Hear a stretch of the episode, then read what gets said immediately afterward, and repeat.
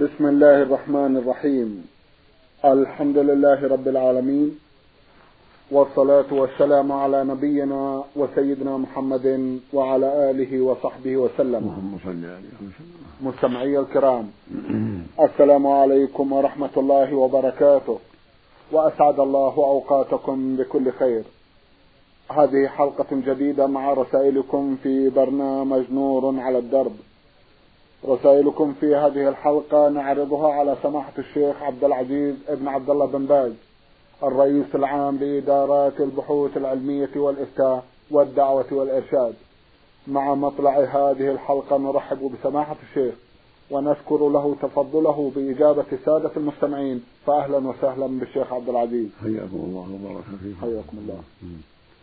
سماحة الشيخ مع بداية هذه الحلقة أمامي رسالتان. الأولى من الأخت المستمعة جيم ألف من العراق والثانية من الأخت نادية آل محمد السعيد من الجزائر. الرسالتان اتحدتا في السؤال عن خطبة زوج لا يصلي ولا سيما إذا تدخل الوالدان في ذلك وأرغم البنت على القبول بهذا الخاطب رغم أنه لا يصلي. كيف يكون تصرف المخطوبة؟ جزاكم الله خيرا. وهل تلجأ إلى الجهات الرسمية كي تسلم من هذه الخطبة؟ بسم الله الرحمن الرحيم. الحمد لله. وصلى الله وسلم على رسول الله وعلى آله وأصحابه ومن اهتدى بهداه. أما بعد فأسأل الله عز وجل بأسمائه الحسنى وصفاته العلى أن يولي على العراق حاكما صالحا يحكم فيه بشرع الله وأن يصلح حكام الجزائر ويوفقهم لما فيه رضاه وأن يعينهم على تحكيم شريعته وأن يصلح أحوال الجميع. نسأله سبحانه يصلح أحوال الشعب العراقي وأحوال الشعب الجزائري وأن يولي على العراق من يحكم فيه بشرع الله وأن يولي على جميع بلاد المسلمين من يحكم فيه بشرع الله. أما جواب السائلتين فلا شك أن من لا يصلي لا يجوز للمسلمة أن تقبل الزواج به لأن ترك الصلاة كفر والصواب أنه كفر أكبر.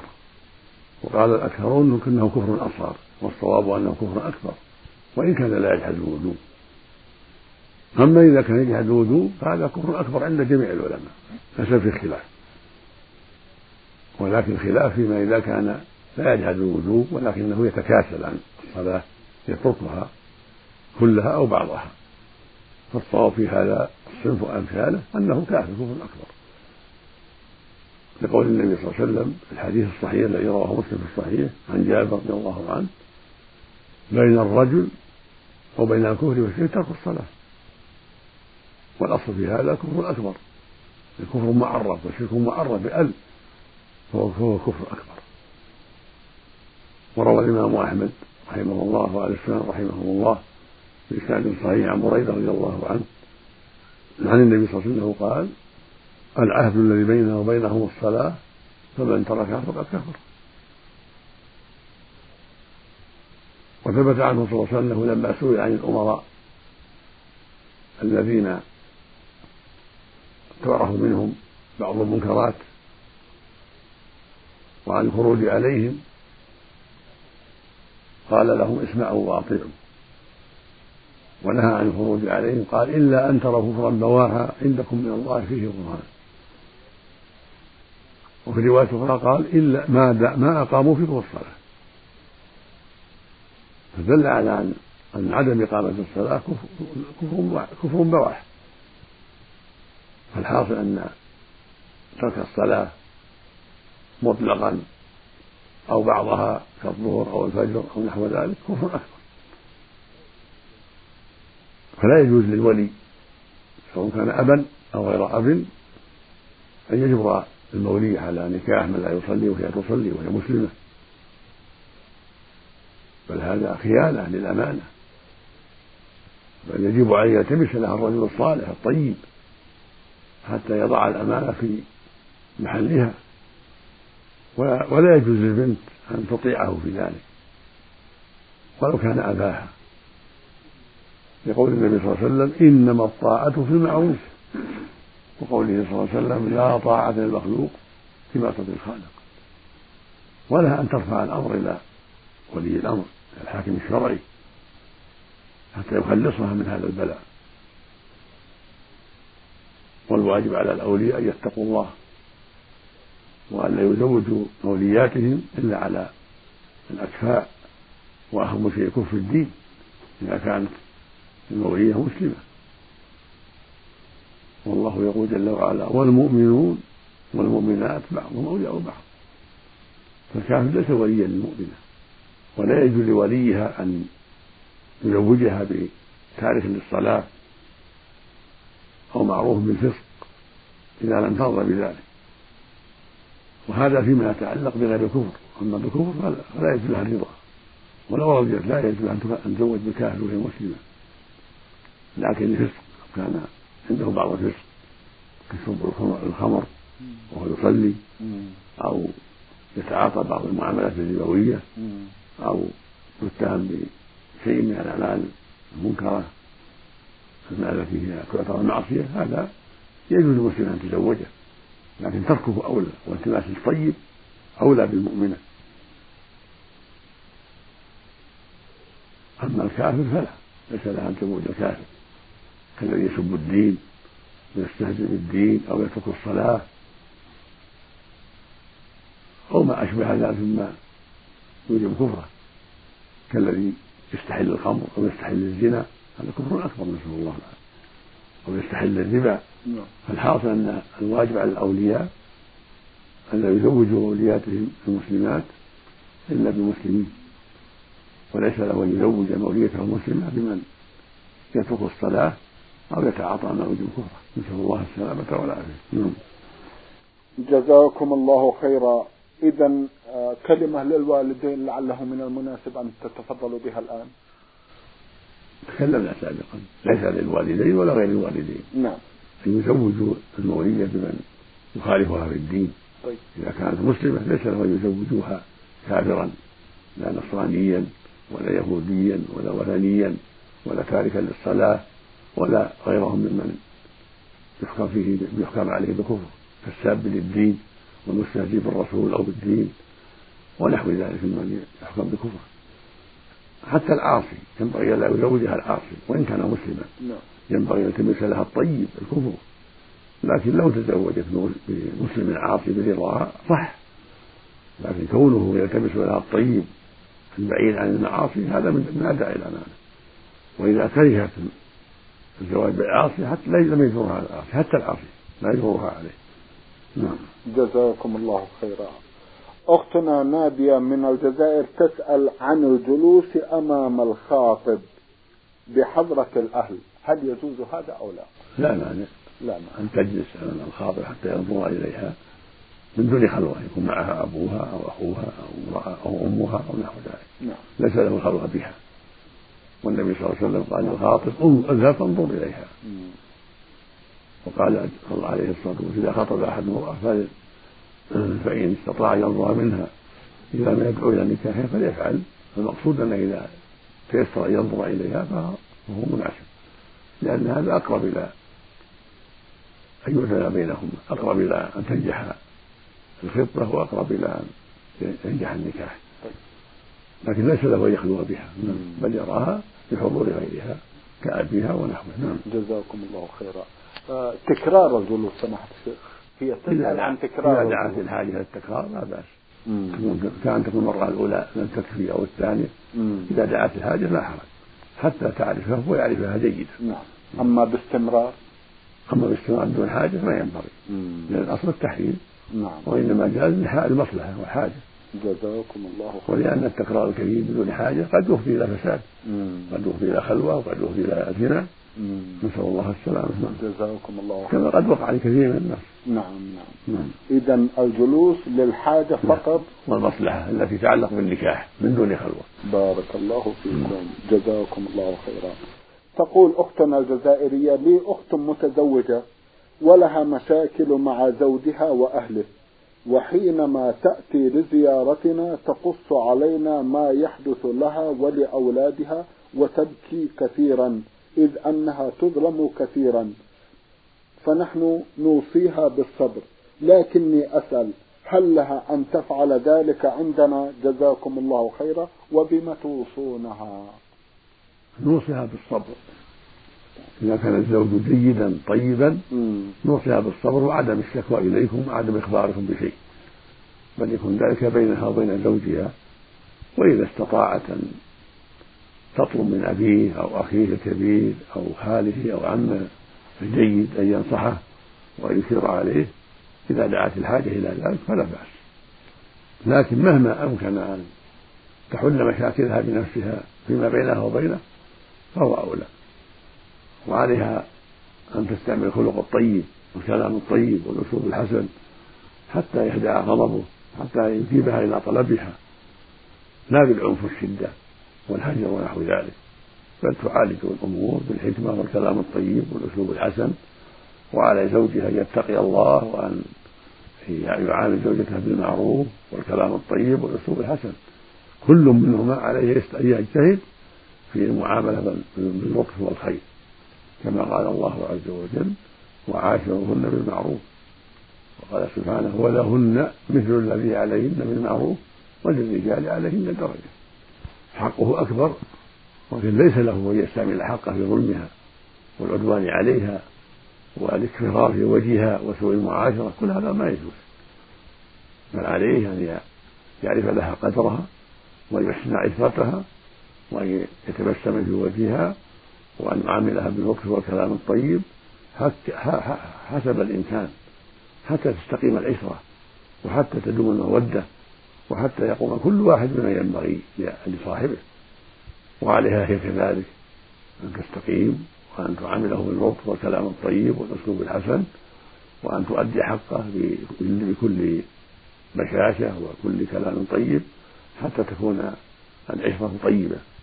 كل واحد منهما يحرص على أن يكون على علاقة حسنة مع صاحبه. وعلى كلام طيب وعلى أسلوب حسن في جميع الأحوال عند الجماع وغير الجماع وفي حاجات البيت نعم. وفي الزيارة لأهلها وفي غير ذلك من الشؤون. كل منهما عليه يستعمل الأساليب الحسنة واللطف في حل المشاكل. جزاكم الله خيرا. نسأل الله للجميع الهداية. اللهم آمين. من منطقة جيزان المستمع ناصر أحمد هادي بعث برسالة وضمنها بعض الأسئلة في أحد أسئلته يقول لدي أرحام يسكنون بعيدا عن البلد الذي أسكن فيه ولا أستطيع السفر إليهم لزيارتهم فهل في ذلك إثم علي؟ وهل في الاتصال بهم عبر التليفون أو مراسلتهم عبر البريد؟ وصل لهم أفيدوني جزاكم الله خيرا. لا يجب السفر إليهم.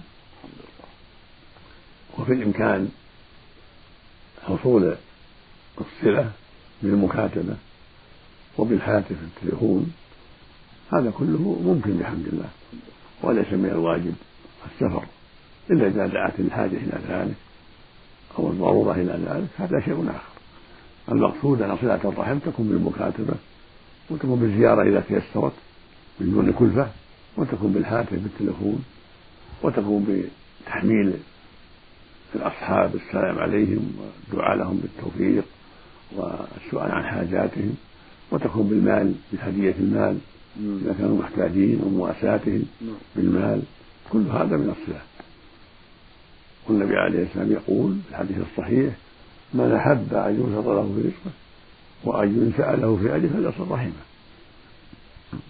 ويقول عليه الصلاة والسلام ليس الواصل بالمكافي ولكن الواصل الذي إذا قطعت رحمه وصله رواه البخاري في الصحيح. وقال له رجل يا رسول الله إن لي قرابة أصلهم ويقطعونني وأحسن إليهم ويسيئون إلي وأحلم عنهم ويجهلون علي. فقال له صلى الله عليه وسلم لئن كنت كما قلت فكأنما تصفه المل.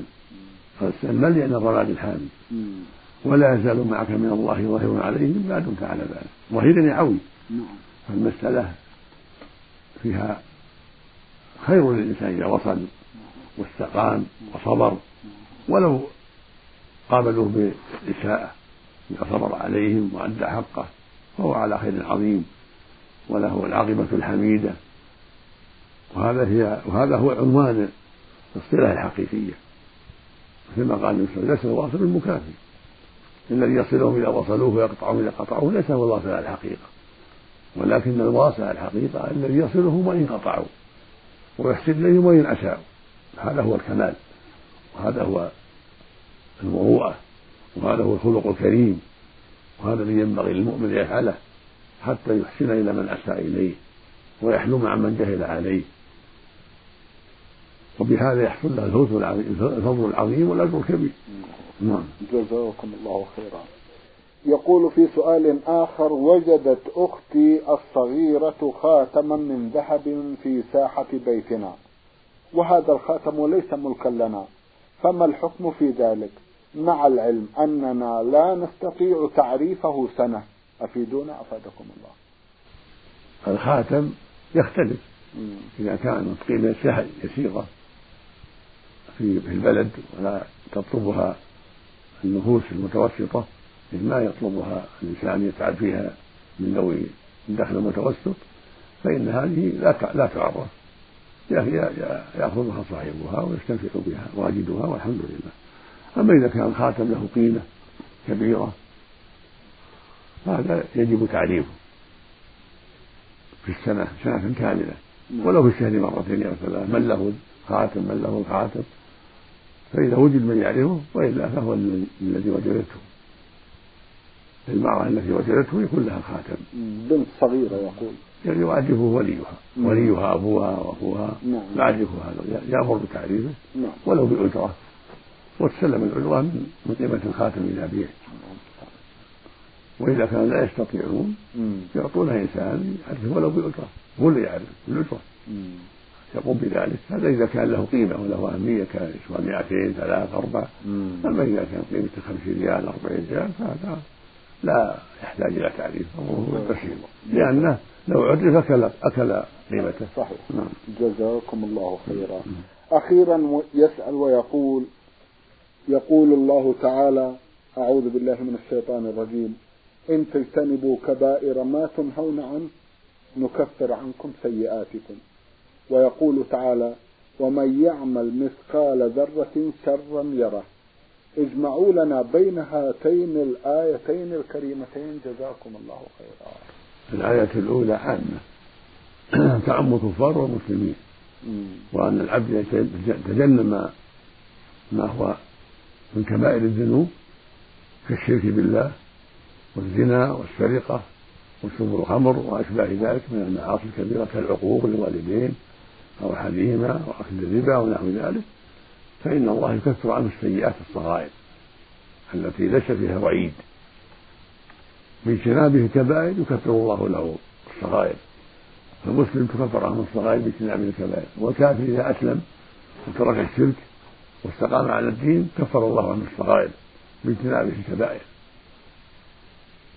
وأما الآية الكريمة فليس بينها وبين الآية مخالفة ومن يعمل مثقال ذرة شرا يره يعني يره إن لم يكفر. فإذا كان تجنب الكبائر كفرت عنه الصغائر. وقد يراه ولا ولا يؤاخذ عنه. قد يراه في صحيفته ولكن لا يؤاخذ عليه بل هو مغفور له. عند عرض الصحائف قد يرى سيئاته الصغائر ولا مانع من رؤيته لها. حتى يعني فقد قدر فضل الله عليه ورحمته إياه. فيراها ولكنها مغفورة له. بسبب اجتنابه الكبائر. وهكذا النصوص كلها جاء بينها هكذا. يقول النبي صلى الله عليه وسلم الصلوات الخمس والجمعة إلى الجمعة ورمضان إلى رمضان كفارة لما بينهن إذا اجتنب الكبائر. في حديث عثمان رضي الله عنه لما توضأ وضوء النبي صلى الله عليه وسلم قال من توضأ نحو وضوء هذا أخبر النبي صلى الله عليه وسلم أنه قال من توضأ نحو هذا ثم صلى ركعتين. لا يحدث فيه بنفسه غفر الله ما تقدم من ذنبه. ما لم تصب المقتلة. ما لم تصب المقتلة. يعني كبيرة. فالكبيرة تمنع المغفرة. كالزنا والسرقة والعقوق وقطيعة الرحم والربا شرب الخمر وظلم الناس في دمائهم وأموالهم وأعراضهم. هذه كبائر تمنع المغفرة للصغائر إلا بالتوبة. فإذا تجنب العبد الكبائر أو تاب إلى الله منها توبة صادقة غفر الله له الصالح سبحانه وتعالى. فضلا منه وإحسانا جل وعلا. جزاكم الله خيرا. من القصيم بريدة المستمع محمد الحجيلان بعث برسالة ضمنها ثلاثة أسئلة. في سؤاله الأول يقول ما هو نكاح الشغار؟ أفيدونا جزاكم الله خيرا. نكاح الشغار هو أن يشترط كل واحد من الوليين نكاح المولية الأخرى. فيقول أحدهما زوجتك بنتي على أن تزوجي بنتك أو أختي على أن تزوجي أختك وهكذا ما أشبه ذلك. يعني يشترط كل واحد تزوجه بالأخرى. زيد يخطب هند وعمر يخطب أخت زيد. كل واحد يشترط على الآخر. زيد يشترط على عمرو وعمرو يشترط على زيد أخته أو بنته أو بنت أخيه. هذا هو الشغار يقول النبي صلى الله عليه وسلم إن الشغار أن يقول الرجل زوجني بنتك وزوج بنتي أو زوجني أختك وزوج أختي. هذا هو الشغار يعني التشارك في تزويج المولية للشخص سواء كانت بنته أو أخته أو بنت أخيه أو بنت عمه. يقول أزوجك إياها لكن بشرط أنك تزوجني بنتك زوج بنتك أو أختك أو ما أشبه ذلك. وهذا لا يجوز بل هو باطل. أما لو خطب منه وخطب الآخر من دون مشارطة فلا حرج. لو خطب بنت هذا هذا خطب بنت هذا ولا خطب بنته أو أخته لا حرج. من دون مشارطة. نعم. جزاكم الله خيرا. اشرحوا لنا قول الرسول الكريم صلى الله عليه وسلم أنا ابن الذبيحين. هذا مروي عنه صلى الله عليه وسلم وفي صحته نظر لكنه مشهور. والذبيحان هما إسماعيل وعبد الله. إسماعيل جده ابن إبراهيم. نعم. فإن الله جل وعلا أمر إبراهيم بذبحه ثم نسخ ذلك والحمد لله. لما سلم لأمر الله نسخ الله ذلك وفداه بذبح عظيم. وأما عبد الله فالمشهور أن عبد عبد المطلب نذر أن الله وهبه عشرة أبناء أن يتقرب إلى الله بذبح أحدهم. فتمت له تم له ما رجا وأعطاه عشرة فأقرع بينهم أيهم يذبحه فوقع فقراء على عبد الله. فلم يذبحه ووداه بمئة من الإبل. بدلا من ذبحه. واستقرت هذه الدين في قريش. فيما ذكر جماعة من المؤرخين لقريش وعبد المطلب. ويروى عنه صلى الله عليه وسلم انه قال أنا ابن الذبيحين. تفسيرا لهذا يعني الذبيح إسماعيل والذبيح عبد الله الذي كاد أن يذبحه أبوه لولا أنه أنه افتدي بالمئة من الإبل ولولا أن الله نسخ ذبح إسماعيل. فهما ذبيحان قد استحق ذبحهما لولا ما من الله من الوقاية من الله به من وقاية ذبحهما بنسخ الذبح على حق إسماعيل وافتداء عبد المطلب لابنه بمئة من الإبل. هذا هو المشهور في هذا نعم. جزاكم الله خيرا. أخيرا يسأل ويقول هل التبسم في الصلاة يفسدها؟ ليس لا يفسدها. التبسم لا يفسدها لكن الضحك يفسد. الضحك له صوت له صوت نعم. هذا يفسدها. وهكذا الكلام إذا تعمد الكلام ويعلم تحريمه أفسدها. نعم. جزاكم الله خيرا. المستمع راي عين يسأل عن تفسير قول الحق تبارك وتعالى أعوذ بالله من الشيطان الرجيم والنجم والشجر يسجدان. على ظاهر الآية سجود يليق بهما والله يعلم كيفيته سبحانه وتعالى. كما قال في الآية سبحانه وتعالى ألم ترى أن الله يسجد له ما في السماوات وما في الأرض والشمس والقمر والنجوم والجبال والشجر والدواب. فكما أنها تسبح هي تسجد أيضا. وهذا التسبيح وهذا السجود كلاهما يليق بهذه المخلوقات. لا يعلم كيفيته إلا الذي خلقها سبحانه وتعالى. تسبيح بني آدم معروف سجودهم معروف وسجود الشجر والجبال والله يعلم سبحانه وتعالى. هكذا سجود الشمس والقمر سجود يليق بهذه المخلوقات الله يعلم كيفيته سبحانه وتعالى. نعم. جزاكم الله خيرا. المستمع عبد العزيز الحيدان من الرياض بعث يسأل ويقول كنا في رحلة طلابية وقبل أن تقلع الطائرة صلينا العصر قصرا وعند العودة صلينا العشاء قصرا قبل دخول وقت العشاء فما حكم عملنا هذا؟ وهل صلاتنا صحيحة؟ جزاكم الله خيرا. إذا كان المطار خارج البلد خارج البنيان وقد عزمتم على السفر. فالصلاة في المطار قصرا الرباعية لا بأس به لأنكم باشرتم السفر وقد قصر النبي صلى الله عليه وسلم في ذي الحليفة وفي طرف المدينة بعدما غادر المدينة عليه الصلاة والسلام.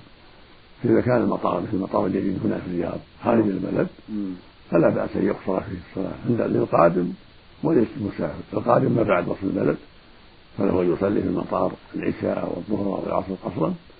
والذي سافر خرج من البلد وانتظر الإقلاع وصلى الظهر قبل أن يقلع أو العصر أو العشاء قبل أن يقلع فصل ركعتين لا بأس بذلك. أو جمع بين المغرب والعشاء كذلك لا حرج. لأنه باشر السفر بوصوله إلى المطار الذي هو خارج البلد. جزاكم الله خيرا. المستمع عمر محمد عابدين مقيم بضواحي مكة المكرمة بعث يسأل ويقول لقد رضع شقيقي الأصغر من ابنة عمتي مع بنتها الكبرى رضعة واحدة. وأريد أن أتزوج من بنتها الرابعة فهل يجوز لقد. لذلك؟ أم لا؟ لقد لقد رضع شقيقي الأصغر من ابنة عمتي مع بنتها الكبرى رضعة واحدة. وأريد أن أتزوج من بنتها الرابعة فهل يجوز لي ذلك أم لا؟ مع العلم بأن أمهاتنا متأكدات بأن الرضعة واحدة ولكن لا يعلمن هل كانت مشبعة أم لا؟ وهل يجوز لشقيقي المذكور الزواج من أصغر بناتها؟ جزاكم الله خيرا. الرضعة لا تحرم ولا يحرم بها تحريم الرضاعة لا بد من خمس رضعات فله يتزوجها ولا كان تزوجها وتزوج إحدى أخواتها. ليس على هذا عمل. نعم. ثم لو قدر أنها أرضعته خمس رضعات يختص التحريم به هو. أما أنت فلا فليس لك فلا حرج أن تزوج أختها. إنما تحريم إذا أرضعته يكون أخل أخا لها. إذا أرضعته أمها خمس رضعات تكون أخا لها. أهو أما أنت فلست أخا لها أنت لم ترضع. فالحاصل لك لك أن تزوج إحدى بناتها لأنك لست رضيعا لهن ولست أخا لهن. أما هو لو ثبت أنها أرضعته خمسا صار ولدا لها. نعم. هو خاصا به. نعم. جزاكم الله خيرا. سماحة الشيخ في ختام هذا اللقاء أتوجه لكم بالشكر الجزيل بعد شكر الله سبحانه وتعالى على تفضلكم بإجابة السادة المستمعين. وآمل أن يتجدد اللقاء وأنتم على خير. نرجو ذلك. مستمعي الكرام كان لقاؤنا في هذه الحلقة مع سماحة الشيخ عبد العزيز ابن عبد الله بن باز. الرئيس العام لإدارات البحوث العلمية والإفتاء والدعوة والإرشاد. شكرا لسماحته. وأنتم يا مستمعي الكرام شكرا لحسن متابعتكم. وإلى الملتقى. وسلام الله عليكم ورحمته وبركاته.